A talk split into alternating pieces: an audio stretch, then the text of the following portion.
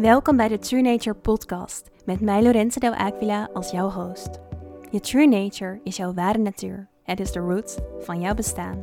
Het is wie jij diep van binnen echt bent.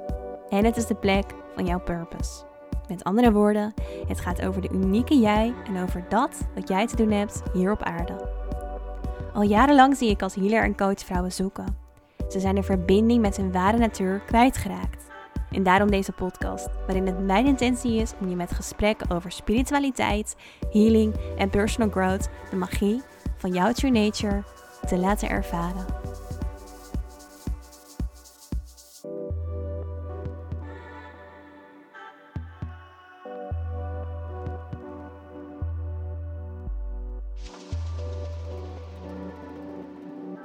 Welkom bij weer een nieuwe aflevering van de True Nature podcast. Ik zit hier met Rosa de Boer. Rosa is al eerder in de, of in de podcast uh, geweest. En ja, daar heb ik zoveel leuke reacties op gekregen dat ik Rosa heb gevraagd voor een tweede aflevering. En uh, daar hebben we allebei heel erg veel zin in. Rosa, welkom. Superleuk dat je er weer bent. Ja, dank je. Ik vind het heel leuk om er weer te zijn. Ja, je bent de eerste die voor de tweede keer op de podcast komt, dus dat zegt wow. ook wel wat. Superleuk. Ja. Ik raak ook niet uitgepraat, dus dat komt goed uit. Nee, nee, nee. Nou, superleuk. Um, ja, nou, voor de luisteraars hebben we dus in de vorige podcastaflevering een beetje meer, ja, hoe zullen we het noemen, de basis van astrologie uh, besproken. Ja. Wat eigenlijk ook al nou ja, best wel vond ik zelf heel verdiepend was hoe Rosa daarover heeft uitgelegd. Dus echt heel duidelijk, um, nou ja, wat je als eerste moet weten over astrologie. Ja. Um, dus als je die aflevering nog niet geluisterd hebt, dan is het denk ik wel goed om die eerst te luisteren.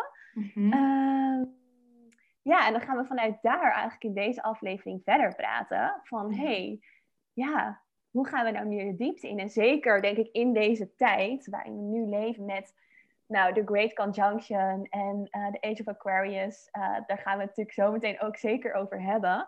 Is het wel heel erg mooi om hier echt de verdieping op in te gaan.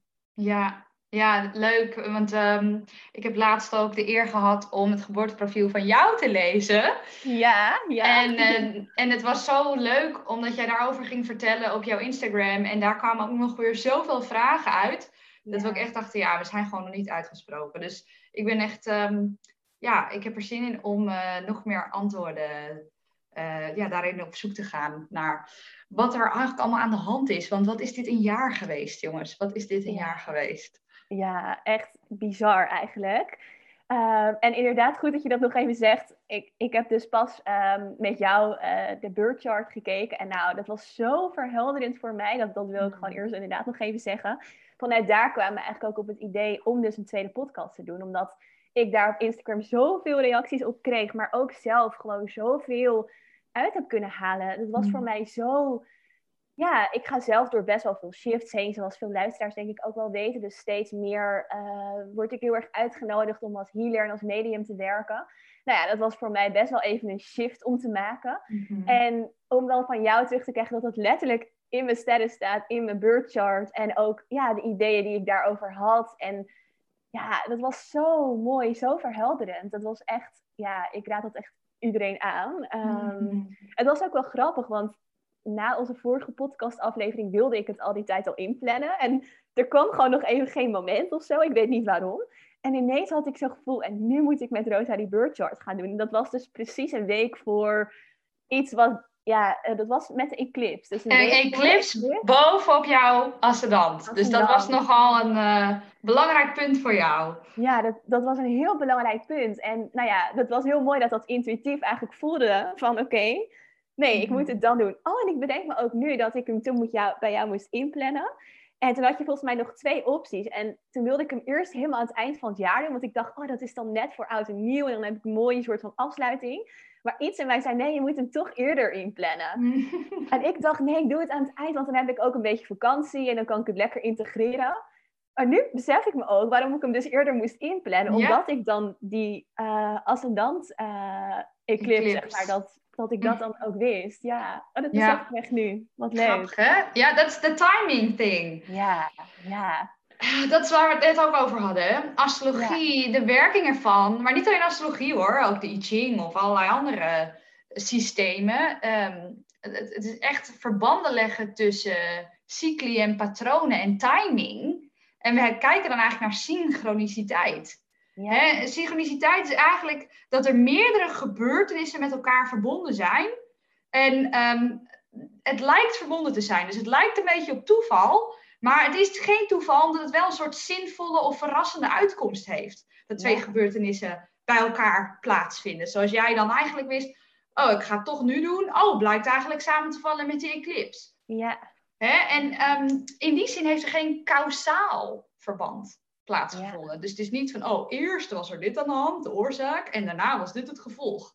Nee, het zijn twee gebeurtenissen die samen lijken te komen. Precies. Uh, en hè, uh, Carl Jung is daar, uh, heeft, daar, is daar eigenlijk aan de wieg gestaan van synchroniciteit. Die zegt ook van ja, natuurlijk bestaat er toeval. Maar er bestaan ook zeker gebeurtenissen waarvan we zeggen, nou sorry, maar dat, hè, dat, dat kan geen toeval, geen toeval zijn.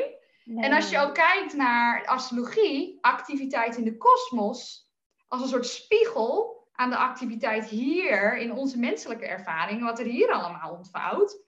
Hè, as above, so below. Er is een soort synchroniciteit tussen de cycli die we zien in de planeten en de cycli die we zien in onszelf, in onze psyche, in onze ontvouwing. Ja. En dat is, en dat is waar, waar, we, waar we, ja, eigenlijk proberen we die verbanden, de synchroniciteit, proberen we te interpreteren. En daardoor, daarvoor gebruiken we een symbolische taal. En dan komen de sterrenbeelden om de hoek, die allemaal weer aan mythologie verbonden zijn. Boogschutter, ja. Chiron. Ja, en daar uh, ga ik uh, helemaal van aan. Dus kom maar op met die vraag hoor. Ja. ja, laten we daar inderdaad mee beginnen. Want ik heb uh, vanuit Instagram toen al zoveel vragen binnengekregen. En ik heb, er waren ook wel veel vragen die op elkaar lijken. Dus ik heb het even voor mezelf even goed uitgelijnd. Ja. Um, ik denk eigenlijk dat het toch wel mooi is om eerst te beginnen met de Great Conjunction. Omdat dat misschien wel heel mooi even een beeld geeft over ook die synchroniciteit, tijd, Age of mm -hmm. Um, en eigenlijk de vragen die daarover binnenkwamen. Nou, inmiddels is het het moment van de Great Conjunction. Nou ja, althans, nou ja, het moment. Dat gaat natuurlijk ook helemaal door. Daar gaan we het over hebben. Mm -hmm. Is nu een week geleden ongeveer. Ja. Um, uh, maar, maar kun jij daar nog iets meer over vertellen vanuit jou? Wat ja. is nou de Great Conjunction? Uh, wat is het Waterman-tijdperk? En wat ik ook als vraag kreeg is: waarom is het zo bijzonder en hoe kan je het nou inzetten? Ja, dat is een, zijn hele goede vragen. Ja, hè, um, ik, wat ik zelf heel tof vond. Ik ben zelf uh, 20 december jarig. Dus uh, ik zat op mijn verjaardag. En uh, nou kom ik zelf uit een spiritueel georiënteerd gezin hoor. Maar hoe tof dat ik op mijn 30ste verjaardag een krant op de tafel zie liggen. Een gewone mainstream krant. En waar uh, niet in de horoscoopsectie, maar gewoon op de voorpagina een foto staat van Jupiter en Saturnus die bij elkaar komen. En dat is allemaal, wow, dat gebeurt bijna nooit zeldzaam. Uh, uiteraard van astronomisch perspectief, maar wel iets van, wow, hey, iedereen heeft het erover. Dus logisch dat daar ook veel vragen over zijn. Ja. De Great Conjunction, een conjunction in eerste instantie betekent dat twee planeten eigenlijk bij elkaar komen op dezelfde graden in de lucht. Ja. Nou, dat, dat gebeurt vrij vaak. Hè, allerlei verschillende combinaties, maar we hebben het over de grote conjunction, de great conjunction, als de twee superspelers bij elkaar komen. Dan hebben we het over Jupiter en dan hebben we het over Saturnus. Nou, Jupiter is sowieso de allergrootste planeet van ons hele solarsystem. En dan heb je ook nog Saturnus, die is ook heel groot. Dat is die ene met die mooie ring eromheen. Hè? Zo hebben we dat ja. wel geleerd op school. Ja. Nou, die twee, als je dan kijkt naar de astrologische betekenis daarvan, dan wordt het natuurlijk interessant. Want dan gaan die twee planeten met elkaar in gesprek. En omdat het planeten zijn die redelijk ver weg staan, betekent het ook dat deze planeten heel langzaam hun rondje maken. Dus ze komen niet zo vaak bij elkaar. En daar komt meteen ja, om de hoek kijken dat het vrij zeldzaam is. In principe is het zo dat Jupiter en Saturnus elke 20 jaar bij elkaar komen op dezelfde graden. Nou is een graden altijd verdeeld in 60 minuten.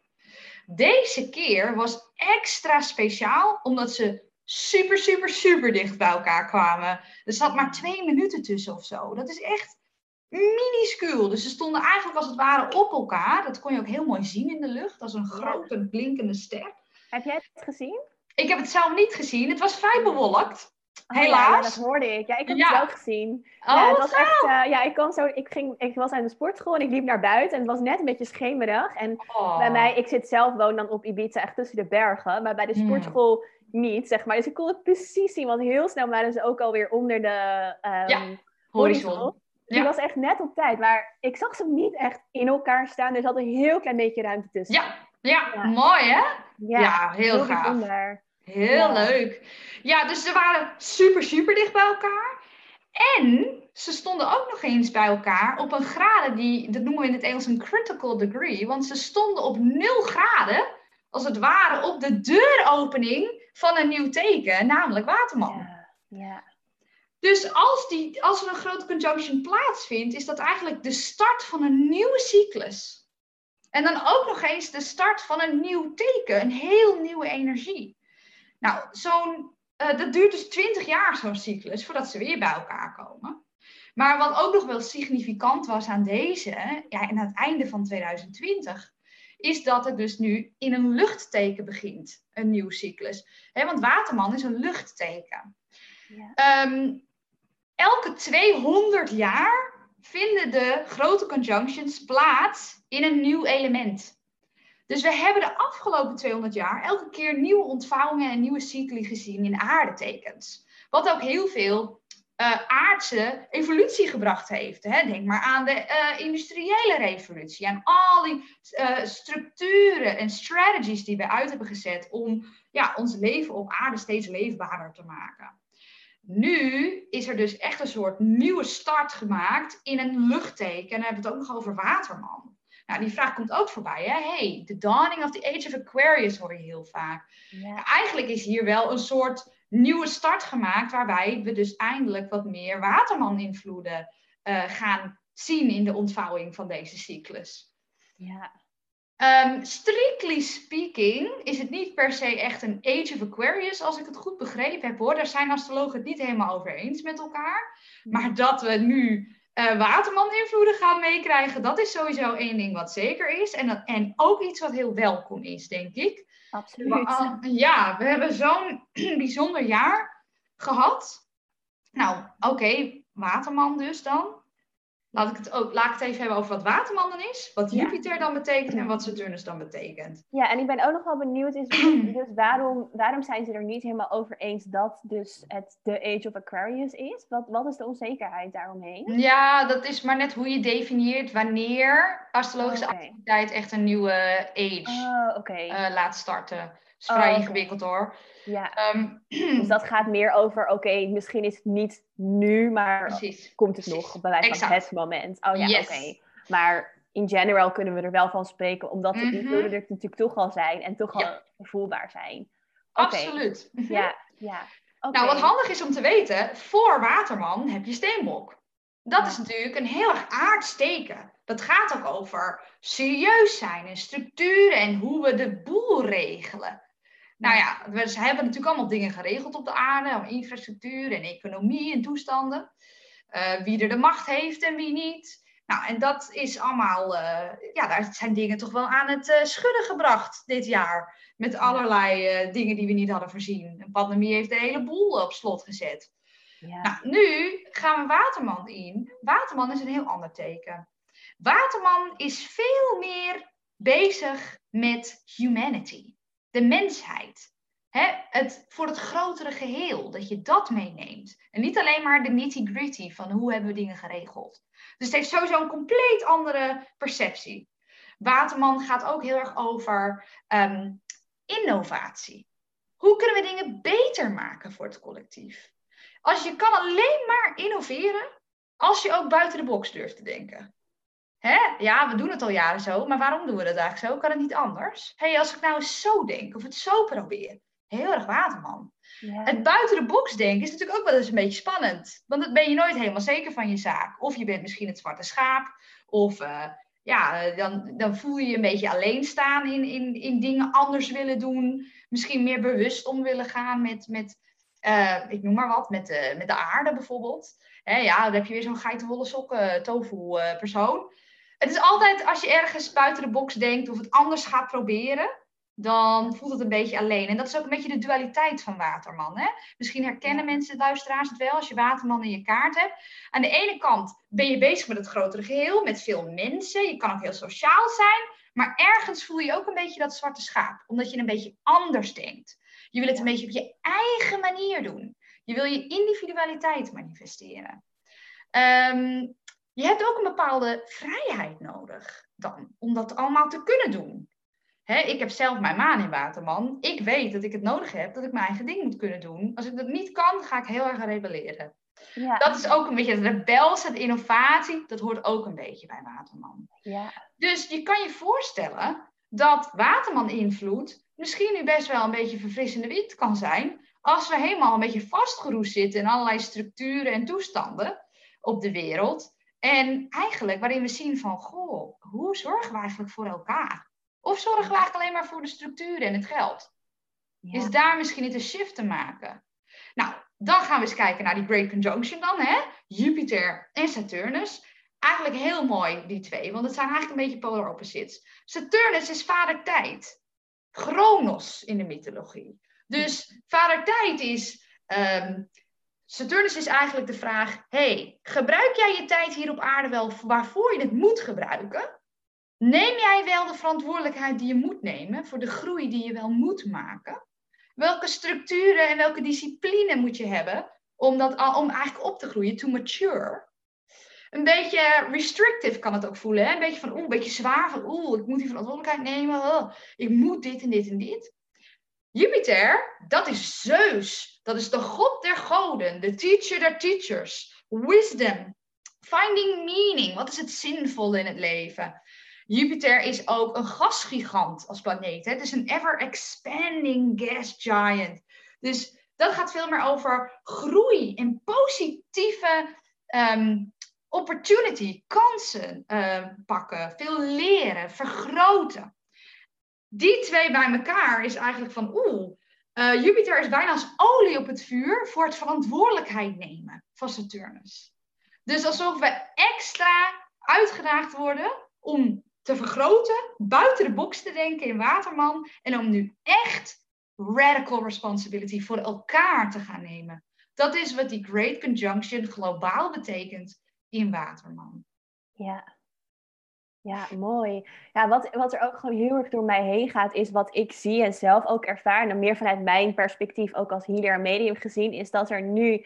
Um, nou ja, veel mensen we gaan natuurlijk door een hele moeilijke tijd ook wel heen. En vragen die ik, uh, of eigenlijk ook wat ik in mijn healings voorbij zie komen, is dat mensen echt met hele heftige dingen te maken krijgen. Dus bij wijze van vorige levens die naar boven komen. En heel veel wel echt diepe uh, diepe dingen. En wat ik zo mooi vind, is dat we, om eigenlijk te zien dat de, zeker de groep millennials, die er eigenlijk een beetje die generatie, mhm. dat wat ik heel erg zie en geloof, is dat we hier echt gekomen zijn om dit mee te maken, zeg maar. Om deze tijds, uh, uh, ja, new age van Aquarius eigenlijk in te gaan. En wat je ziet is bijvoorbeeld bij de wat, toch wel bij de wat oudere generaties van de ouders van de millennials, bewijs van, dat hun nog heel veel meer ook in dat aard aarde denken zitten. Dat ze zoveel meer zitten in, oh ja, maar um, nou ja, ook als we het dan toch heel even over het C-woord hebben, over corona, dat ze heel erg wat er geschreven wordt, dat is waar. En waarom zouden we het anders moeten doen? Dat ze heel mm. erg vast daarin blijven zitten. Maar dat je nu ook ziet dat steeds meer mensen vanuit eigenlijk hun eigen healingsproces zoveel meer behoefte krijgen aan die kwaliteit van de waterman. Dus echt mm-hmm. aan die kwaliteit van, oh, het mag anders. En hey, uh, uit buiten de box, dat stukje rebels, wat jij eigenlijk al zei, maar vanuit een diepere meaning eronder, dat ik dat bij zoveel meer mensen zie, ook het, het anders voelen, uh, dat dat zulke thema's zijn die bij zoveel mensen in de diepte eigenlijk leven en die heel mooi worden opgevangen eigenlijk, vind ik, door, door dit uh, waterman-tijdperk en de energie die daarmee naar boven komt. En ook ook wat ik zelf heel erg ervaren heb en ook heel erg zie bij mensen, is dat um, zeker een beetje de sensitievere vrouw, die voelt zich toch vaak op een bepaalde manier niet eens helemaal thuis op aarde. Maar we hebben ook heel erg in die aardse energie gezeten. Dus ook voor luisteraars, want dat zijn vragen die ik persoonlijk heel vaak krijg. Van hé, hey, ja, ik voel me niet helemaal thuis. Of ik heb een soort van heimwee, maar ik weet bijna niet waarnaar. Mm. Uh, dan komen het ook weer heel erg op, ja, weet je, op, op eigenlijk de kosmische relatie die je eigenlijk hebt met het hele mm-hmm. universum om je heen. Mm-hmm. Dat het nu zoveel meer voeding ook kan krijgen hier op aarde, letterlijk, door die energie van Waterman. Ja, er gaat echt een nieuwe tijd starten. Dus, dus de start van een 20 jaar cyclus is nu van start gegaan.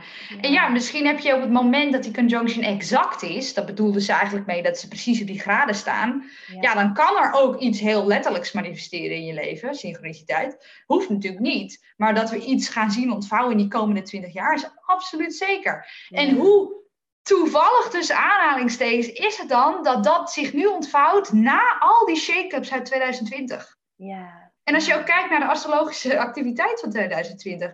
Normaal gesproken hebben we zo'n vier eclipses. Dit jaar hadden we er zes. Ja. We hadden Pluto en Saturnus die bij elkaar kwamen. En, en, en, alle, en we hebben, geloof ik, bijna alle planeten zijn retrograde geweest. Het is echt, er is zoveel aan de hand geweest. Ja, ja, hey, even kort voor degene die het misschien nog niet weten. De eclipse, wat, wat doet dat met je? Uh, of, of wat kan je daarvan merken? Nou, um, we weten allemaal dat we een nieuwe maan en een volle maan hebben in één maandcyclus van 28 dagen. Hè? Dus er is elke keer een nieuwe fase die van start gaat met de maan. Maar eclipses kun je eigenlijk bijna zien als boosted full or new moons.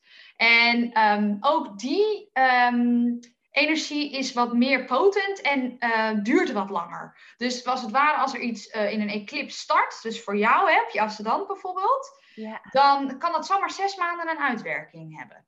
Ja. En ik geloof dat er ook nog wat vragen waren over noordelijke en zuidelijke maansknoop. Als we daar aankomen, ja. zal ik wat meer over eclipses vertellen, want daar heeft het mee te maken. Ja, ja. oh oké. Nou, dan gaan we daar zo nog wel wat verder op in, inderdaad. Ja, ja, maar, maar mooi ook hoe je gewoon ook uitlegt over, over de energie van de waterman. En, en, en de vraag daarover die nog even door mij heen gaat, die we ook gekregen hebben, is waarom uh, of hoe kan je het inzetten? Ja, goede vraag was dat. Zeker, zeker. Nou, ten eerste, ik heb nu eigenlijk een beetje een globale, meer voor, dat noem je eigenlijk mundane astrology, hè? Wat gebeurt er op de mhm. wereld? Hè, Want die conjunction is aan de gang. Maar die conjunction is natuurlijk voor ieder persoon ook aan de gang. Alleen voor ieder persoon is het natuurlijk ergens anders in zijn of haar eigen geboorteprofiel. Dus hmm. voor iedereen heeft het ook een andere uitwerking. Het is voor niemand hetzelfde. Dus ten eerste, als je wil weten hoe een bepaalde transit, dus iets wat gebeurt op dit moment in de lucht, voor jou uitspeelt en hoe jij het kunt inzetten, dan is het super handig om in je eigen geboorteprofiel te kijken waar dat dan valt. Hmm. Nou, wat je dus doet, in de, hè, ik geef even snel het voorbeeld. We, wisten dat, we weten dat deze conjunction op 0 graden in Waterman afspeelt. Dan pak je je eigen geboorteprofiel erbij. Die kun je trouwens gratis downloaden op astro.com. Ja. En dan zie je in de buitenste ring zie je alle tekens. Dan moet jij voor jezelf opzoeken waar in mijn geboorteprofiel is Waterman dan. Ja, dus nou, dat ziet eruit als die blauwe golfjes. Blauwe golfjes, ja. ja energie voor de luisteraar. Ja, ja precies.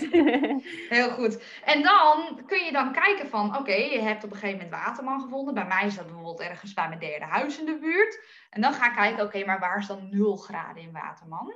En mm. daar is dan die conjunction. Dan is het dus wel handig om te kijken, staan er überhaupt planeten in mijn geboorteprofiel in Waterman? Want die planeten die hebben dus extra te maken voor mij dan met deze conjunction. Om je voorbeeld te geven, uh, voor mij stond die precies op mijn maan in Waterman op 0 graden. Ja. Dus in mijn emotionele wereld is hier iets nieuws uh, aangewakkerd. Een nieuwe groei, een nieuwe um, ja, maturity cyclus is nu aan de gang. Ja. Dus nou ja, dat, zo kun je dan voor jezelf kijken in welk huis valt dat dan ongeveer met welke planeet heeft dat dan te maken. Nou, dan kun je dus eens googelen voor jezelf. Hé, hey, uh, oké, wat, wat betekent het als een Great Conjunction in mijn derde huis zit? Of wat betekent het als ja. een Great Conjunction op mijn maan staat? Of, ja, ja uh, kijk eens, uh, misschien is er wel iemand in je omgeving of een astroloog met wie je daarover in gesprek kunt gaan. Ja, ja, precies. Ja, of met jou. Ja. dat zou ik ook iedereen aanraden. maar goed. Um, Ja, oké. Ja, goeie inderdaad. Dus het is heel erg afhankelijk van natuurlijk ook jouw kaart. Dus er is niet echt een algemeen advies. Misschien, nou ja, misschien wat ik denk ik zelf, uh, wat er bij mij opkomt als algemeen advies voor iedereen, is gewoon die kwaliteiten van de waterman mhm. helder hebben voor jezelf. Dus dat in, in, uh, intuïtieve, innovatieve en ook eens te kijken van, hé, hey, waar in mijn leven uh, kan ik daar wat meer aandacht voor hebben? Waar word ik misschien wat meer uitgenodigd om intuïtiever in het leven te staan. Ik denk dat dat sowieso natuurlijk al een hele mooie boodschap is voor iedereen. Maar nu, als je die energie van de waterman wil versterken, dat het wel mooi is om daarop te reflecteren.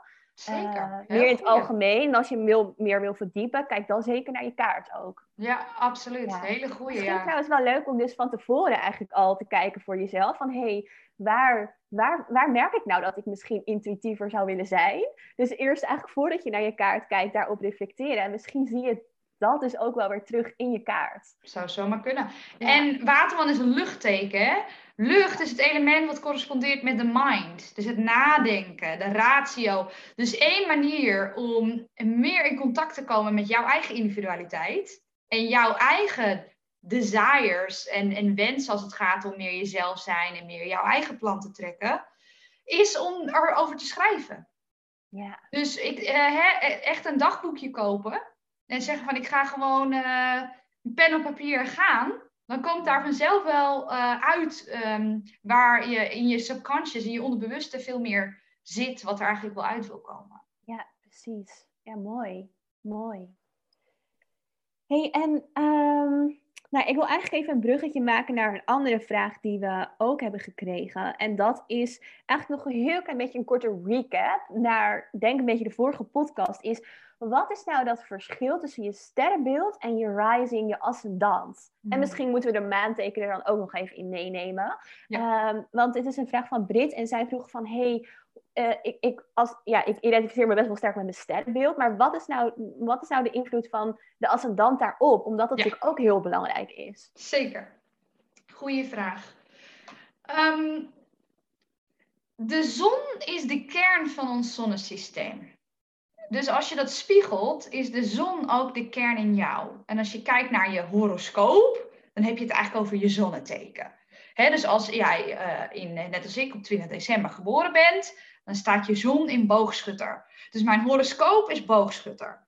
In de kern zit boogschutter in mij. Maar ik heb ook een ascendant.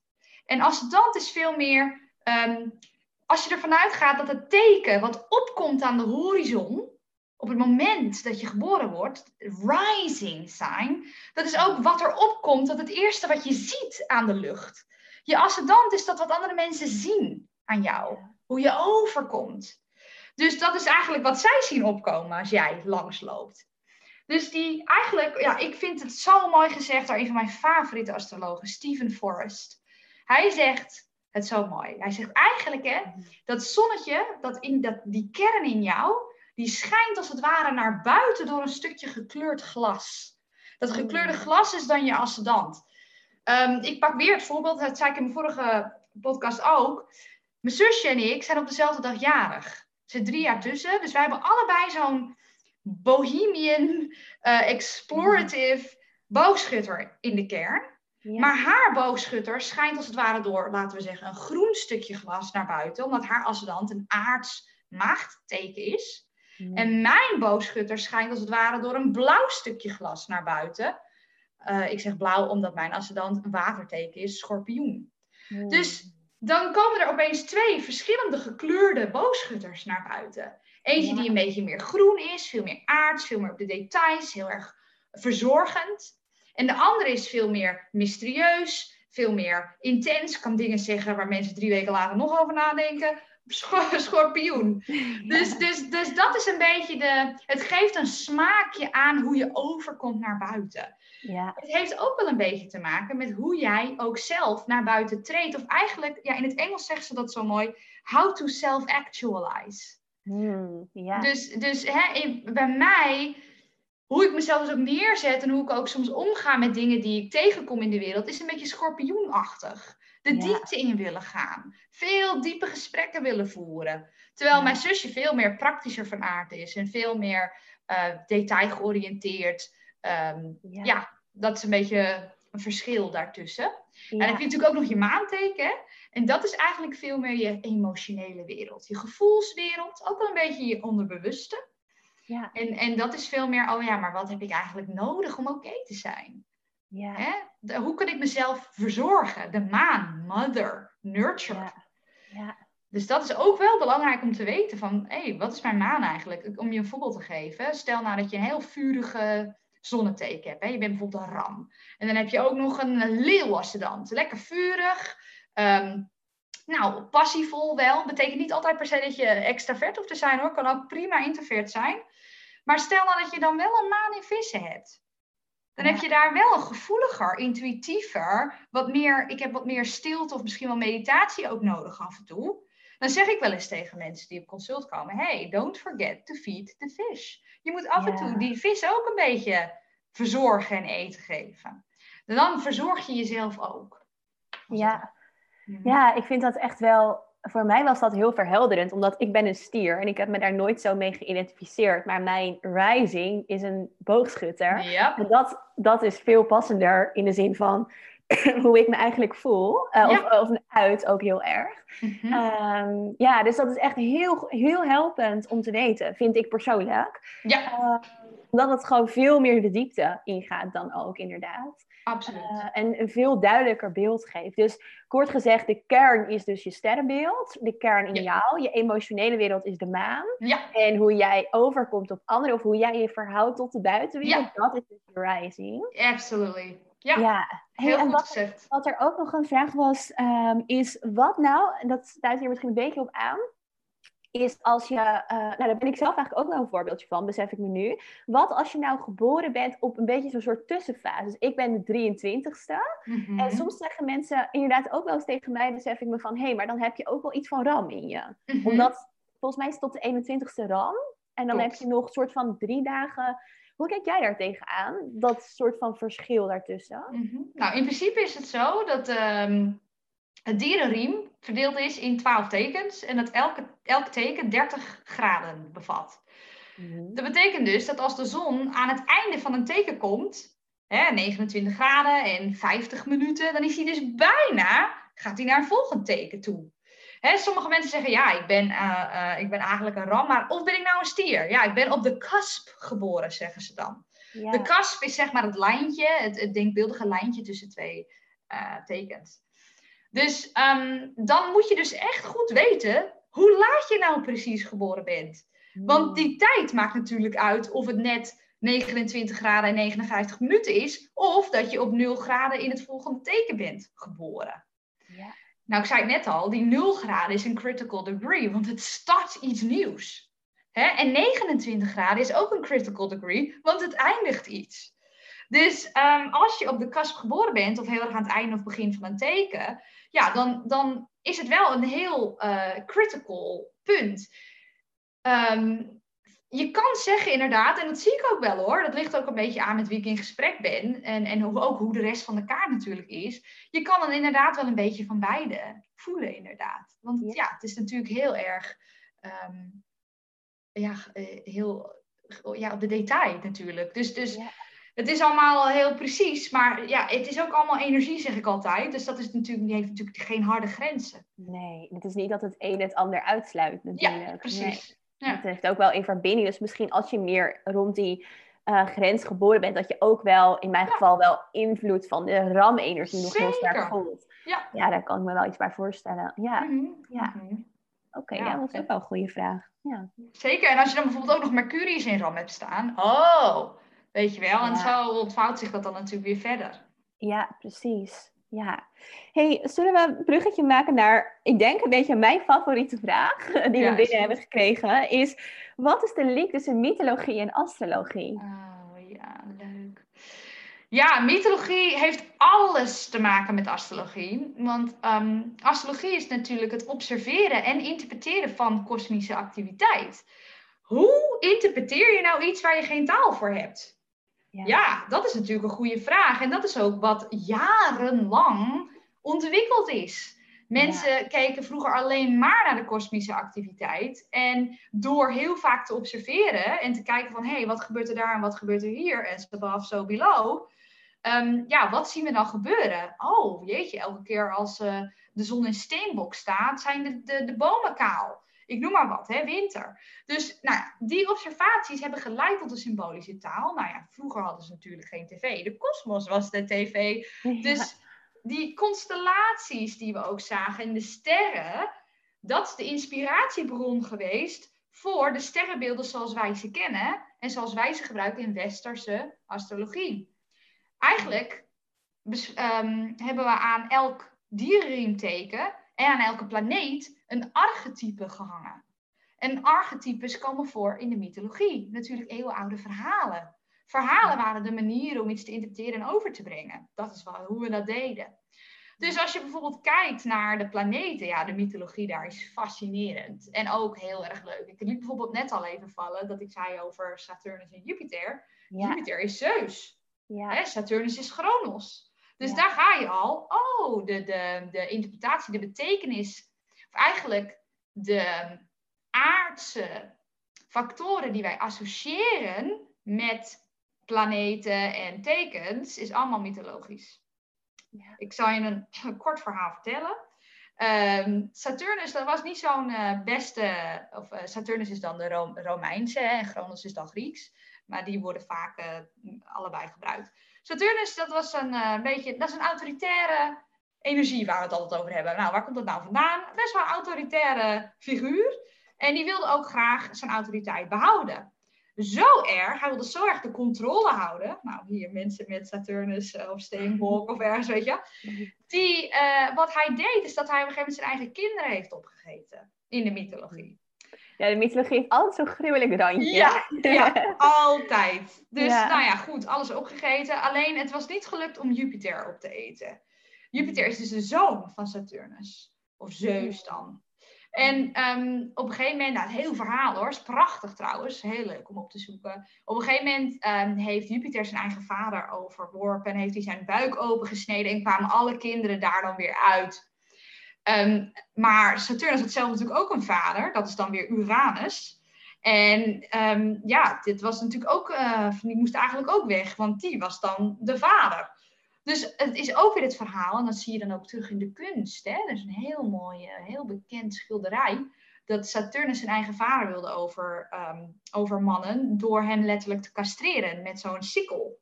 Mm. Zo'n gekromd uh, mesding. Dat zie je mm. dan ook weer vaak terug in de mooie kunst en de archetypes zoals ze weergegeven worden. Dus dan, en, en het verhaal is dan dat het Saki van Uranus in de zee viel en dat daar ehm, ja, de zaadcellen met het schuim van de golven werd vermengd. En dat daar Venus uit herrees.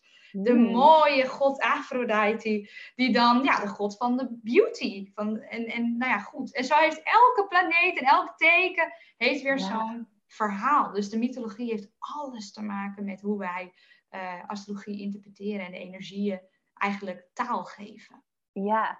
ja, ik vond het ook zo mooi dat jij toen wij onze sessie hadden ook over Chiron vertelde. Dus meer, um, even kijken, hoe zei het? De healer, de... Ja, de wounded healer. De wounded healer, ja. ja. Dat vond ik ook. Misschien kan je die ook nog even heel kort ja, vertellen. Zeker. Want ik denk dat dat ook wel leuk is voor anderen ja. om te horen. Mm -hmm. Ja, is ook zeker wel een, uh, een asteroïd slash komeet. Ja. Uh, die, uh, je hoort heel veel over ook nu. En het is ook super heel interessant om te kijken voor jezelf. Chiron is um, een centaur, dus half man, half paard. En in de mythologie is hij de wounded healer, dus de gewonde heler. Hoe komt dat nou? Hij is altijd een healer geweest, altijd bezig met andere mensen helen, ook een teacher daarin. En zijn student Hercules schiet hem um, per ongeluk in zijn eh, been met een giftige pijl. En daardoor is hij opeens gewond. De heler is gewond, de gewonde heler die, dat gif in, in die pijl zorgt ervoor dat die, die wond niet meer kan helen. Dat betekent dus dat Chiron ten alle tijden gewond is. En daar komt natuurlijk weer dat gruwelijke randje om de hoek kijken. Ja. Uh, detail voor um, Chiron is dat hij onsterfelijk is. Dus hij zal ten alle tijden voor eeuwigheid met die wond lopen. En dus ook altijd in proces zijn met die pijnpunten voor hemzelf.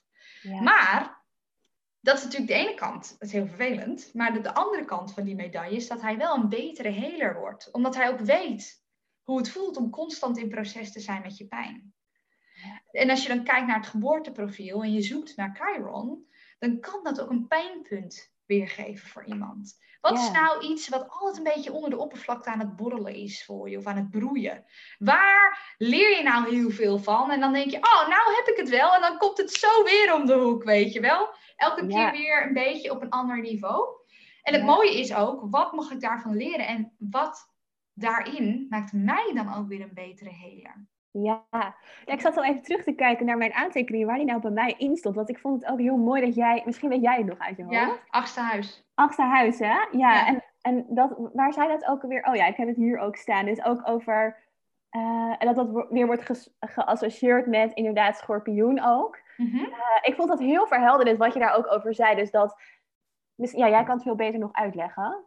Ja, het achtste huis. Elk huis heeft ook weer... Um de betekenis van het huis hangt ook weer aan een teken vast, als het ware. Alleen in een geboorteprofiel zijn die tekens natuurlijk voor iedereen anders. Maar in essentie is het achtste huis iets wat bij schorpioen hoort. Dat betekent dus dat het achtste huis in essentie ook te maken heeft met de diepere mysterie van het leven. De diepere intimiteit met het leven. Het heeft ook over seksualiteit, gaat het ook. Over de cycli van leven en dood. Uh, wat is nou de meaning? de metaphysical. Astrologie hoort eigenlijk ook wel een beetje in het achtste huis. Het achtste huis heeft ook wel een wat aardsere kant hoor. Het, het, is het, het achtste huis staat tegenover het tweede huis. Het tweede huis gaat over je aardse inkomen en je geld. Het achtste huis gaat meer over geld van andere mensen. Misschien wel door je intieme relatie, dat je daar ook bijvoorbeeld geld van um, ja, mee in aanraking komt. Hmm. Even heel kort, een wat bredere uh, in, uh, inkijk in het achtste huis. Maar goed, Chiron in het asthuis. Ik weet het nog zo goed van jou, omdat mijn Chiron zelf ook in het asthuis staat. Oh ja, dat is waar, dat zei je. Mhm. ja. ja. een bepaalde uh, pijnpunt, een bepaalde wounding, die daar dan ligt. Hè. Nou, dat kan zich, het ligt natuurlijk ook nog aan in welk teken het staat, maar het kan zich vertalen in een bepaalde pijnheid van, oh, ik ben misschien wel veel meer verbonden met het fijnstoffelijke. Dat wat we niet kunnen zien, de metaphysical. En daar ben ik misschien wel heel vaak voor afgewezen in mijn leven, want doe eens normaal. Want je eerst zien dan geloven, toch? Zo doen we het hier. De synchroniciteit, dat is onzin. We doen alleen kausaal. Wij denken lineair. Eerst moet er iets gebeuren, daarna is er een gevolg. Ja. Hè? Ik zei net al even tegen jou voordat wij begonnen: van hey, heb je die nieuwe Christopher Nolan film al gezien? De maker van Inception en Interstellar en Tenet. Al die films gaan over het onderbewuste en tijd als een geheel in plaats van lineair. En nou ja, daar gaat het achtste huis heel lekker op. Ja. Nou ja, Chiron daar kan dus daar een pijnpunt in zijn. Hè? Maar dat je daar later ook juist weer een mooier healer in wordt. Kijk eens naar jouw journey als, als medium, als healer. Ja. Ehm, dat, dat kun je daarin zien. Het kan ook een stukje uh, iets veel letterlijker zijn. Hè? Misschien ligt er wel een soort van pijnpunt of, of een onzekerheid of is er iets gebeurd, misschien wel in de intimiteit. Dat mensen daar moeite mee hebben, echt intiem worden met iemand anders en dat daar een healingproces in plaatsvindt. Dat kan het ook betekenen in het Astenhuis. Ja, nou ja, wat, ik vond dat zo mooi hoe je dat zei, omdat dat voor mij gewoon eigenlijk allemaal uh, heel erg passend was. Natuurlijk mijn hele journey in het mezelf anders voelen, omdat ik zoveel zie en voel en als medium doorkrijg. Ja, dat, dat was best wel even een, een pijnpunt om daarover over naar buiten te komen en daarover te vertellen. Want inderdaad, doe maar normaal. Of ja, maar dat is toch niet echt dus de wounded healer daarin. Ja, mhm. voor mij was dat toen jij dat zei, dat ik dacht, wow, dit staat letterlijk in mijn kaart. Mhm. Zo mooi. En ook uh, ja, over, over het stukje intimiteit en misschien ook de trauma's die daar nog in liggen. Ook misschien wel vanuit vorige levens waar we het over hadden. Ja, weet je, dat was, het was voor mij super kloppend en zo herkenbaar ook. Mhm. En um, ja, ik, ik, ik vond dat echt ook gewoon even naar de luisteraar. Van er, er, er valt zoveel op zijn plek als je je kaart gaat bekijken. Ehm, en eerlijk is eerlijk, dat heb ik ook in vorige podcast verteld. Ik wist dat helemaal niet. En mhm. ik dacht, nou ja, dat voorbeeld de sterrenbeeld, uh, sterren, uh, zonneteken, sterrenbeeld. Ik mm. dacht altijd, nou ja, het, zal wel, want ik, ja, ik identificeerde me er niet heel erg mee. Mm-hmm. En toen ik dus meer ging kijken naar ook die ascendant en die maan, dacht ik echt, oh, oké, nu snap ik het veel meer. Maar ook naar onze zes, er zit zoveel meer gelaagdheid onder, wat mm-hmm. voor mij echt heel, um, ja, voor mij veel viel het op zijn plek in de zin van, ja, dit is precies wat ik ervaar, zeg maar. Heel mooi dat dat gewoon letterlijk daarin staat. En ook die mythologie daarachter. Mm Zodat je ook jezelf weer beter gaat begrijpen aan de hand van dat verhaal. Het is natuurlijk een soort spiegel, als het ware. Ja, ja. Um, waarin het juist dat gruwelijke eigenlijk gewoon het even heel duidelijk en heel uitvergroot ergens uh, zegt. Hoe het eigenlijk bij jou op subtiel niveau is. Ja, ja. mooie tool hè? Ja, absoluut. Ja. ja, echt heel mooi. Ja, en nou ja, daarvanuit ook uh, misschien mooi om de brug ook te maken naar die Noord- en die Zuidnoot. Omdat dat natuurlijk ook weer heel mooi uh, aangeeft die diepte. Dus nou ja, die Zoutnoot heel erg uh, nou, ja, nou ja, vertel jij maar. Ja, zeker weten. Ja, ik zei al even in de vorige aflevering dat er natuurlijk verschillende vormen van astrologie zijn. Ja. En um, waar, we het nu, waar wij het ook nu heel erg over gehad hebben, is meer de psychologie. Hè? Wat gebeurt er in de psyche van een mens? Welke planeten zijn daar als het ware gehighlight? Welke onderdelen zijn daar allemaal onderdeel van? Je hebt ook uh, psychologische astrologie, noem maar op. Maar um, waar ik zelf echt uh, helemaal van aanga, is de evolutionaire psychologie. En dan kijk je dus niet alleen naar de psyche in een kaart, maar ook naar de reis van je bewustzijn in deze aardse fysieke vorm. En dan ga ik er dus ook vanuit dat bewustzijn eindeloos is. Dus als deze fysieke vorm van Rosa op een gegeven moment overlijdt, dat mijn bewustzijn niet opeens stopt. Dat dat misschien weer een andere vorm, een transitie aanneemt en daar weer verder ervaart en groeit. He, evolutionair. Eigenlijk de evolutie van je ziel, als het ware. Nou, dan wordt de, de North en de South Node, in het Nederlands noordelijke en zuidelijke maansknoop, echt super, super interessant. Want die geven als het ware aan, daar waar je vandaan komt, dat wat je, al, wat je ziel als het ware al ervaren heeft, welke lessen al meegenomen zijn, welke karma er is opgedaan. En dat wat je in dit, deze fysieke vorm, in dit leven, meer mag loslaten, waar je uit mag groeien, dat is de zuidelijke maansknoop. En die noordelijke maansknoop is dan, ja, maar wat is dan de uitnodiging in dit leven?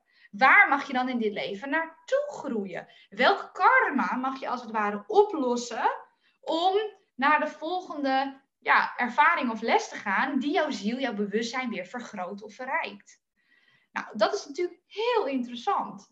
Want dan is het ook van, ja, hey, soms komen we dingen tegen, uh, nou ja, trauma, maar misschien ook andere dingen, die niet alleen maar in deze fysieke vorm zijn opgedaan, in deze lineaire tijd, zoals wij het ervaren. Er kan ook best energetische uh, baggage zijn uh, van voorgaande ervaringen, waar we op dit moment in deze staat van bewustzijn, die we kunnen opvangen met ons brein, niet van bewust zijn. Dat soort dingen zitten allemaal, of dat soort informatie zit opgeslagen in je subconscious, in het onderbewuste deel van jezelf. Nou, dan heb je ook weer die dualiteit, hè? Het bewuste deel van jezelf, het onderbewuste deel van jezelf. En het onderbewuste deel van jezelf bewust maken, dat is van dualiteit naar eenheid gaan. Want dan is het niet meer bewust en onbewust, maar allemaal bewust. Dat is waar yoga over gaat, waar mediteren over gaat, allerlei spirituele uh, systemen. Nou, dat, daar gaat de astrologie, daar ook heel mooi op zetten. Dus um, in je kaart kun je ook gaan opzoeken van, hé, hey, waar staan die zuidelijke en die noordelijke maansknoop dan? Nou, een paar dingen om te weten. Ze staan altijd recht tegenover elkaar. Want het zijn polar opposites. Je gaat van het ene naar het andere extreem in deze dualiteit. Um, ze gaan ook um, tegen de klok in, uh, in, de, in plaats van alle andere planeten. En ze zijn altijd verbonden, want wat is een maansknoop eigenlijk? Ja. Met een maan. En dan komt het linkje met die eclipses ook weer, waar we het in het begin over hadden. Ja. Als het ware kun je het zo zien. Maansknopen zijn geen fysieke planeten of iets. Het zijn wiskundige punten uh, um, in het pad van de maan, waar je het kruist met het pad van uh, de aarde. Die kruispunten, als het ware, die zijn heel belangrijk. Want als de zon of de maan bij, bij dat punt komt, dan zijn ze met elkaar uitgelijnd, de maan, de zon en de aarde. En dan krijg je een eclips, want dan valt de schaduw van de een op het ander. Hmm. Dus een eclips kan alleen maar plaatsvinden als de noordelijke of de zuidelijke maansknoop betrokken is. Dus in, in een kaart kun je dat ook zien. Als je een, een nieuwe maan vindt of een volle maan. En als dan de, de, de noordelijke of zuidelijke maansknoop dichtbij staat. oh, dat is dus een eclipse. Als, dat is ook de reden waarom eclipses zo fucking interessant zijn. Want je hebt de maan, die sowieso al verbonden is aan je onderbewuste. Die gaat elke 28 dagen in een nieuwe cyclus. Hè, dat heeft heel veel met onze emotionele groei ook te maken. Hoe je je voelt, inzichten die omhoog komen bij een volle maan ja, wordt letterlijk je onderbewuste verlicht. Nou, in bed gebeurt als je aan het dromen bent. Nou, daar komt de symboliek uit je onderbewuste hoor. Als er een eclipse is, dan zijn die noordelijke en die zuidelijke maansknoop ook nog eens betrokken. En die zijn betrokken met de evolutie van je ziel. Dus die eclipses zijn echt boost, het nieuwe start of een soort hoogtepunt in de grotere reis die je bewustzijn maakt. Dus die eclipses zijn super belangrijk voor jouw vergroting van je bewustzijn. Er gebeuren vaak dus dan dingen in je leven die, als je terugkijkt, je denkt: wow, dat was echt super belangrijk dat dat gebeurd is. Want toen ben ik veel meer voor mezelf gaan staan. Toen werd ik opeens authentieker. Toen ging ik luisteren naar mijn ziel in plaats van de verwachtingen om me heen. Super belangrijk. Het is dus heel leuk om ook in je kaart te zien van hé, hey, waar voel ik me eigenlijk wel een beetje comfortabel? Ja, eigenlijk de patronen waar ik zo een beetje inval, want dat is wat ik ken, zuid, zuidelijke maansknoop.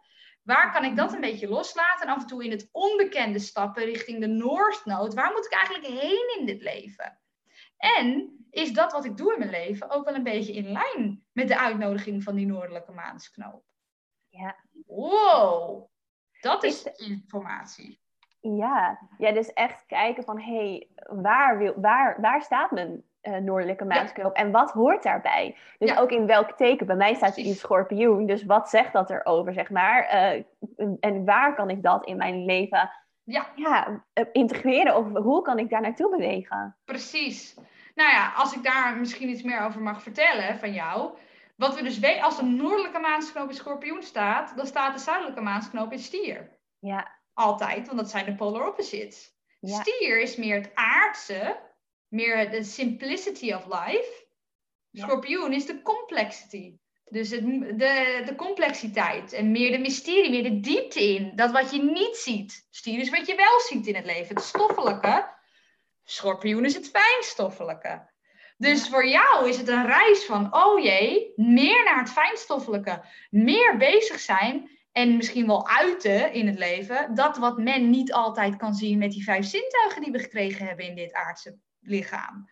Nou, moet je kijken waar je mee bezig bent. ja, dat klopt helemaal. Ja, het had ook zo kunnen zijn, Lorenza, dat als jij bij mij op consult was en er komt eigenlijk uit dat jij ontzettend helderwetend bent, en, uh, maar jij bent doodsbang en jij houdt, jij klampt je vast aan je zoutnoot, stier. Ik ga me alleen bezig met dat wat ik kan zien. En uh, als ik maar veilig ben in mijn aardse stoffelijke omgeving, dan ben ik veilig. Ja, dat is zonde van. Eigenlijk zonde. En dan had ik je ook aangemoedigd om meer te vertrouwen en meer te leven naar die noordelijke maansknop. Ja, ja dus eigenlijk daarin viel het voor mij ook heel erg op zijn plek. En was het ook niet per se nieuwe informatie, maar meer bevestigende informatie. Was het voor mij heel erg. Omdat ik daar natuurlijk al heel erg mee bezig was. Dus voor mij was het van, nou ja, heel logisch. En ik mhm. sta al helemaal bij die Noord uh, ja. Want dat is, ik doe niet anders, zeg maar. Maar dat was voor mij heel erg een bevestiging van ja, ik, en zo voelt het ook heel erg.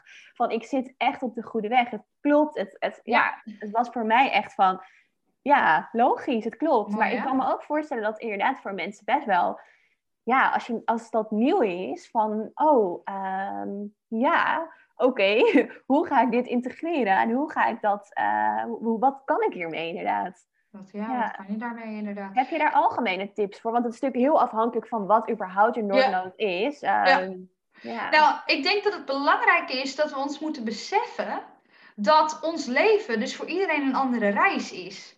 En dat wat wij in het collectief of in de maatschappij bedacht hebben van, oh, nou, als je die groei doormaakt, als je dat bereikt of als je dit doet, dat is dan goed of zo. Goed of fout hebben we zelf beslist.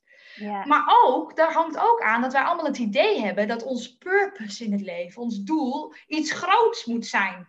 Of ja, je moet altijd een beetje van. Ik kom zoveel vrouwen tegen die ook allemaal van hun hobby hun werk willen maken. Dat hoeft niet. Je purpose op aarde hoeft niet iets groots te zijn wat je naar buiten moet brengen. Het kan ook iets heel kleins zijn. Of misschien is klein wel het verkeerde woord. Het kan ook zoiets zijn als hoe kom ik in het leven nou echt thuis in mezelf? Ja, dat dat je purpose is. Dus voldoening vanuit volledigheid, zeg maar, volledig zijn in jezelf. Precies. Dat is eigenlijk je purpose. Helemaal vanuit jezelf leven. En ja. bij mij is dat inderdaad die Noordnood in het metaphysical en, en dat, dat hoort heel erg bij mij. Maar dat komt ook omdat ik zie, hoor, voel, ruik, whatever, wat andere mensen niet ruiken of, of mhm. zien of voelen. Mhm. Ehm, maar dat helemaal mezelf laten zijn en dat uit ik. Ja, ik uit het wel in mijn werk, maar dat hoeft natuurlijk helemaal niet per se. Nee, jij Had, jouw purpose had niets minder geweest als jij niet hier openlijk je werk van had gemaakt. Ja, precies. Weet je, en, dus ik wil ook de druk van de ketel halen voor mensen.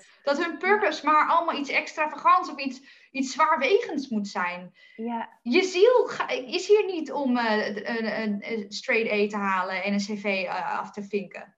Daar is je ziel hier niet voor. Nee, ik denk dat dat dus ook heel erg afhankelijk is van weer hoe je andere planeten ook staan. Want ja. wat we natuurlijk bij mij ook zagen was dat... Uh, oh, ik weet het, het was heel veel. We hebben volgens mij anderhalf uur naar elkaar gekeken. Dus ik weet het niet allemaal exact. Het is wel mhm. allemaal opgeschreven. Maar dat ik heb bepaalde planeten zo staan dat ik juist heel erg van me uh, best wel ook een, een, ja, hoe zeiden we dat nou? Een soort van een doorzetter was. Dus ik kan best wel makkelijk van mijn ideeën een uitvoering maken. Dus bij mij is het heel natuurlijk en logisch dat ik hier van mijn werk van heb gemaakt. Ja.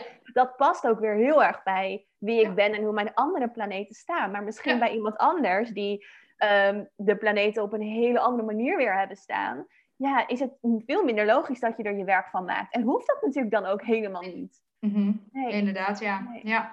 Precies. En, en uh, misschien is het wel uh, nu wel de bedoeling voor je bewustzijn om een bepaalde creativiteit en individualiteit te manifesteren. En misschien betekent dat wel dat je dat uh, thuis doet. Of misschien betekent het wel dat je de meest bijzondere cupcakes ever bakt in een of andere bak. Weet je, het, het, gaat, het gaat veel meer om de essentie, de binnenkant, dan de buitenkant en hoe het naar buiten overkomt. Ja.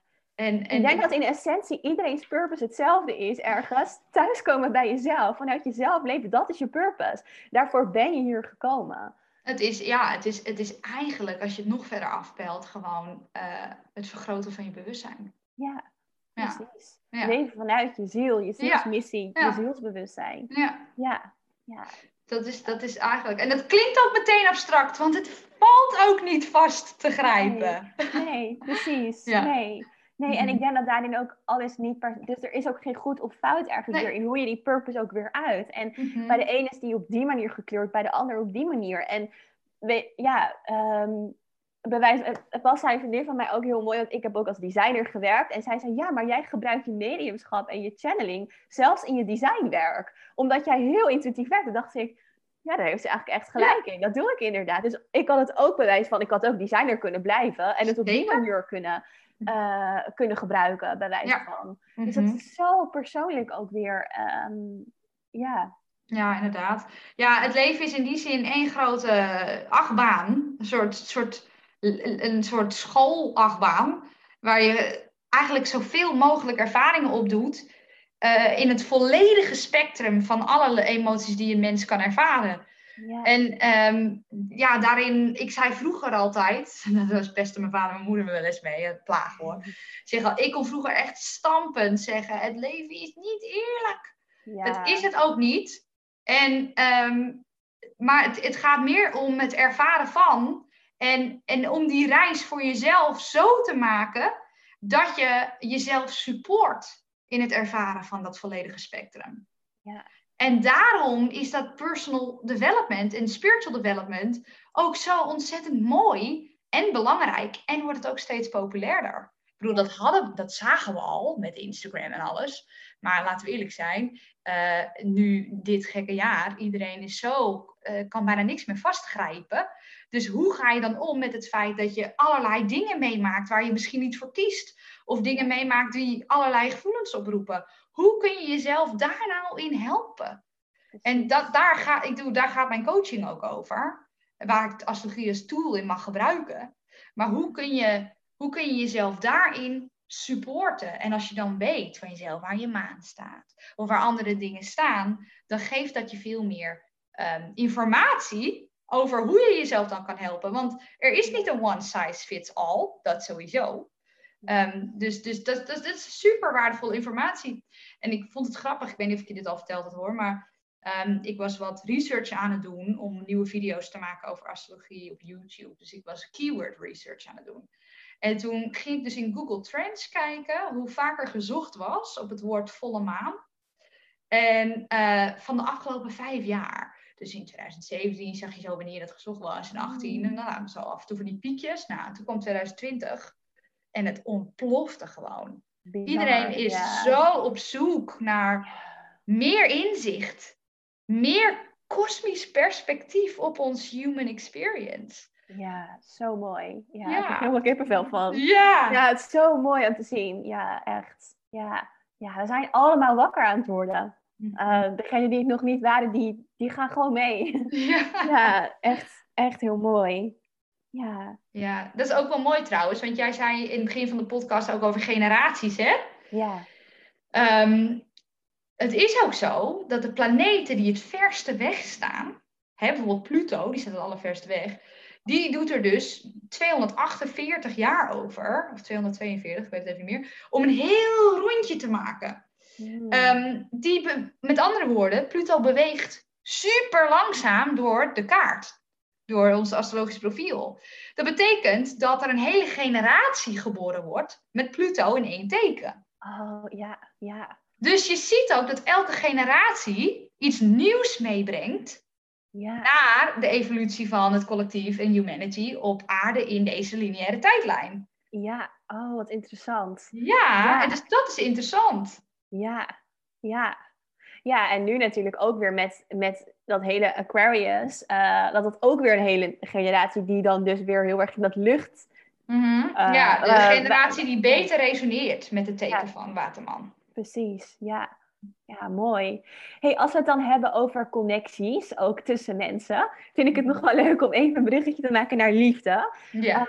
Um, want daar hadden wij het ook voor deze podcast nog eventjes over. Uh, je had het over Descendants. Uh, ja. Heb ik het goed? Dus, ja, dat zeg jij goed. Ja, ja um, je hebt in de kaart bepaalde hoeken, de angles. Nou, we hebben het er over één gehad, die heel belangrijk is, je ascendant. Ja. Um, maar aan de overkant, dus de polar opposite van je ascendant, zit je descendant. Je ascendant is, de, de, um, is eigenlijk de horizon, hè, waar alles opkomt. Maar je ascendant, als je kijkt naar een geboorteprofiel, is ook een cusp. En een cusp is eigenlijk het lijntje wat de, ja, de imaginary scheidingslijn tussen de, waar een huis begint. En dan heb je nog een kast, daar eindigt het huis en dan begint het volgende huis. Mhm. Ehm, en zo um, is de kaart dus verdeeld in allemaal, allerlei vakjes. Nou, het lijntje van de ascendant staat dus tegenover het lijntje van de descendant. En de descendant is dus de start van het zevende huis. En je ascendant is de start van het eerste huis. Je ascendant is hoe kom ik over, hè? En het klopt ook wel, want het eerste huis gaat over jezelf. Dus die ascendant heeft te maken met hoe jij de zelf overkomt. Het eerste huis staat tegenover het zevende huis. Het eerste huis gaat over hoe verhoud ik me tot mezelf. Het zevende huis gaat over hoe verhoud ik mij tot anderen. Het zevende huis gaat over relaties. En het, de descendant is dus het lijntje, de cusp, die het zevende huis doet beginnen. Dus um, je, het is leuk om te kijken welk teken er op je descendant staat. Dus voor mij, mijn ascendant is schorpioen. Dus nou, polar opposite van schorpioen is stier. Dus mijn descendant is stier. Dat betekent dat in relaties, en dat zie ik elke keer weer. Het is niet altijd zo natuurlijk. Maar ik trek dus op een of andere manier de hele tijd stieren aan. Ja. In, in relaties weer. Kan ook kan romantisch zijn, maar kan trouwens ook gewoon andere relaties zijn hoor. Dus in mhm. mijn, in, als een soort tegenhanger van die mysterieuzere schorpioen, zit daar, ik zoek, uh, ik uh, pak haal, of nee, wat zeg ik nou? Ik trek in principe iets aan wat meer grounded is, wat, meer... balanceert. Ja, wat balanceert. ja. ja. Ja. En, dat is, en dan ben ik weer eens op date. En dan, en dan ja, denk ik, hoe is het ook weer mogelijk? Zit weer met een stier aan tafel? Weet je wel? Ja, geweldig. Ja. Dat is wel heel erg grappig. En dat is dan toevallig ook vaak de zon die in stier staat. Maar weet je, als je dan wat verder in het datingproces bent. En, je vraagt, en dan gaan hun weer even hun moeder whatsappen hoe laat ze geboren zijn. Zodat Rosa even kan kijken, weet je wel. Nou, wat zie je dan? En dan komt ja. stuur wel weer ergens anders super prominent eruit. Dus dat is heel erg, uh, dat is toch wel een leuk, uh, leuk dingetje om naar te kijken in, uh, in je kaart. Ja. Ja. ja, laat jij het ook echt leidend zijn in je verdere datingsproces, bij wijze van? Van wat als het nou, nou anders is? Hmm, nee hoor, in principe niet. Um, als, je kijkt, als je twee kaarten over elkaar heen legt, dat noem je synastry. Mm. Uh, het geeft een inzicht over hoe, je, hoe de, de dingen die zijn opgelicht voor twee mensen en zich tot elkaar verhouden. Dus het hmm. geeft in die zin meer inzicht in, hé, hey, uh, waar is het uh, compatible en waar schuurt het een beetje? Dat is natuurlijk hmm. super leuk om te kijken. Maar ik moet eerlijk zeggen, ik heb ook wel um, wel eens naar Sinistry gekeken van mij en iemand anders, waar het echt dat je dacht, nou, dit is de jackpot van de Sinistry. Maar dat betekende niet dat, dat wij er allebei klaar genoeg voor waren om een gezonde relatie te starten met oh, elkaar, weet je wel? Ja, precies. Ja, dat is natuurlijk, ja, ja, dat kan ik me ook wel voorstellen. Zijn er ook tekens die, en dan misschien, ja, nou, dan moet misschien denken toch over de zonnetekens, denk ik dan, die niet bij elkaar passen? Of misschien maantekens of, of, mhm. Überhaupt? In, in principe, uh, ik ben daar heel voorzichtig in. Ik, en mijn antwoord is eigenlijk mhm. nee. Want, al, want in principe, hè, als je ook kijkt naar dat systeem van huis 1 tot 12, van teken 1 tot 12 en hoe die tekens ook in polar opposite allemaal in elkaar grijpen. Het is zo ingenieus, alles hoort bij elkaar. Je hebt ook eigenlijk alles, alleen niet alles is opgelicht.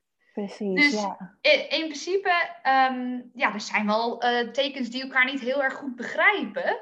Mm -hmm. Maar ik vind niet dat er dan iets is wat helemaal niet bij elkaar uh, past. Nee, ik denk ook als we het dan breder trekken, weer vanuit mijn uh, optiek bekeken, dat stel je zou elkaar niet begrijpen, maar je komt op elkaars pad en je uh, gaat toch een bepaalde relatie met elkaar aan, dan is dat misschien ook wat je te leren hebt juist ja. in dit leven, omdat je dan hebben we het weer over die synchroniciteit eigenlijk.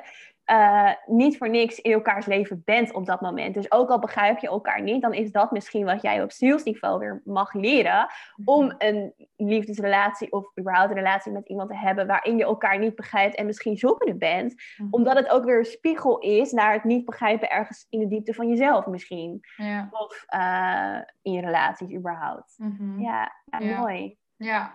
ja, dat is waar. Ik wil daar wel, wat ik wel belangrijk vind, is, um, hè, want, en dat is ook een vraag die ik superveel krijg, hoe zit het dan met free will en vrije wil? Ja. En um, dat is natuurlijk, dat is misschien wel het mysterie van het leven.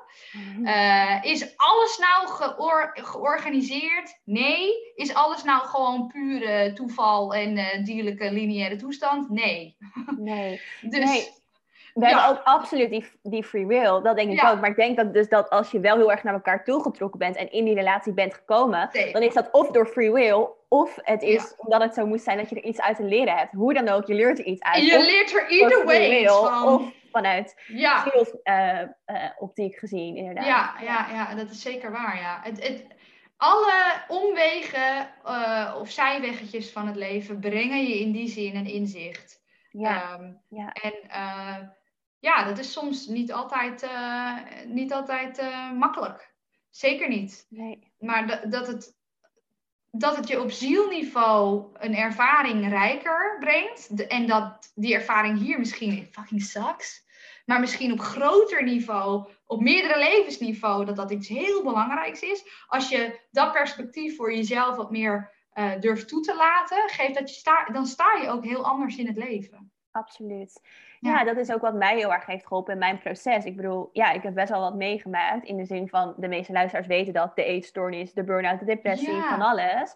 Maar ik ben er nu dankbaar voor. Ook voor uh, slechte relaties die ik heb gehad. Mhm. Ik ben er dankbaar voor, omdat ik er onwijs door ben gegroeid. En omdat ik, om het weer even bij astrologie te hebben, daardoor bijvoorbeeld veel eerder eigenlijk mijn Noordnood ben gaan leven. Om veel eerder de keuze heb gemaakt dat ik laat me niet meer van mezelf, um, ik, ik ga mezelf niet meer verstoppen. Ik ga mijn purpose leven. Dat, dat heb ik kunnen doen op hele jonge leeftijd. Omdat ik alles heb meegemaakt wat ik heb meegemaakt. Ja, dus, ja, ja, soms zeggen mensen tegen mij, of uh, ook bijvoorbeeld in relatie tot mijn ouders, van hoe kan je dat nou zeggen? Je was er bijna niet meer geweest. Hoe kan je mhm. nou zeggen dat je dat mee hebt willen maken? Maar zo kijk ik er nu wel echt op terug. Ja. Omdat het heel veel heeft gebracht. Mooi. Echt heel veel heeft gebracht. En ik denk dat dat met, met alles uiteindelijk, uh, bijna, bijna alles, wel ergens je op een bepaalde manier echt wel sterker maakt. Ondanks dat de, de, de dingen die je meemaakt misschien heel diep, donker of pijnlijk kunnen zijn. Zo, ja. Die underworld, hè? Pluto. Hades, de god van de onderwereld. En Pluto heeft dit jaar huis gehouden in 2020. Dus we hebben allemaal een stukje geproefd van een vorm van die, dat diepere, donkere Dark Night of the Soul ehm, stukje voor ons allemaal. Ja, Dat, is, dat is waar. En maar we zien dus ook, en dat vind ik zo tof ook aan jouw werk, dat de lightworkers, om het maar een naam te geven, wel aan het opstaan zijn. En wel steeds meer naar buiten komen. En dat mensen ook steeds meer zeggen van nou, ik ga een astrologische reading boeken. Of ik ga een healing boeken. Of ik ga met iemand spreken die meer in contact staat met dat wat we niet zien. Ja, absoluut. Weet je, uh, in principe, um, stop, ja, eigenlijk moet ik het zo zeggen, geest is onzichtbaar geworden stof. En stof is zichtbaar geworden geest. Ja. All is one. Mooi. Ik denk dat dat voor nu wel een mooie, een mooie afsluiting is. Ja. Denk je niet? Mm Ja. Ja, ik hoop echt voor de luisteraar dat jullie hier ehm, nou, meer, meer inzichten over hebben gehad. Eigenlijk over, ik vind het echt magisch, mooi, uh, de astrologie. En wat ik zelf ook wel um, merk in dit gesprek nu zelf met Roos, is dat ik het nog weer veel beter, beter begrijp. Omdat ik dus de sessie met jou heb gehad. En mijn kaart ook gewoon letterlijk voor me zie, soort van in my mind's eye, zeg maar. Ja. En dan denk ik, oh ja, dit, de huizen, dat ziet er dus ook echt zo uit. En ik heb daarvoor dus ook wel eens mijn kaart gezien. Um, dat vriendinnen dat wel eens voor me opzochten. Dat ik dacht, oh, oké, ja, ik ben niet zo goed met cijfertjes en grafiek. Dat, dat, ik vond het best wel overweldigend. Dat ik dacht, oh ja, ik snap het ongeveer. Mhm. Dus als, iedereen, als je deze podcast luistert en je denkt, oké, ik vind het super interessant. Dat ik voel dat het aan me knaagt. Ik wil er meer over weten. Ja, ik zou, en dat, ja, dat zeg ik echt vanuit de diepte van mijn hart. Heel eerlijk, boek echt een sessie met Rosa. Um, mij heeft het echt onwijs veel geholpen om hier uh, nog meer duidelijkheid over te krijgen. Ehm, ik wist het altijd een beetje. En ook het luisteren van een podcast gaf je dan inzicht, maar je krijgt, het krijgt echt verdieping. En het, je kan het allemaal veel beter plaatsen als je er eens een keer met iemand echt in de diepte naar hebt gekeken. Dus ehm, ja, dat is even vanuit mij, mijn ervaring. En ook hoe ik deze podcast nu weer met jou beleef, Rosa. Dat ik het nog weer beter, nog beter begrijp allemaal. Nou, dus, lief, uh, dankjewel. Ja, jij super bedankt voor het, voor het delen van al je kennis en jouw mega passie hierover. Want dat is wel te horen. Mm, ja, al oh, heerlijk. Ja, wat is het toch ook een feest dat ik hier mijn werk van mag maken. Echt heerlijk. Ja, en dankjewel voor de uitnodiging uh, om er nogmaals uh, op in te gaan. Nou, dankjewel voor het luisteren naar deze podcastaflevering. We zouden het super leuk vinden als je ons een berichtje zou willen sturen over hoe je de aflevering vond. En het zou natuurlijk helemaal leuk zijn als je deze aflevering op social media in Instagram stories zou willen delen. Zodat meer vrouwen zoals jij ook de magie van astrologie kunnen ervaren en de True Nature podcast kunnen vinden. Heel veel liefs en tot snel in de volgende aflevering. Doei doei!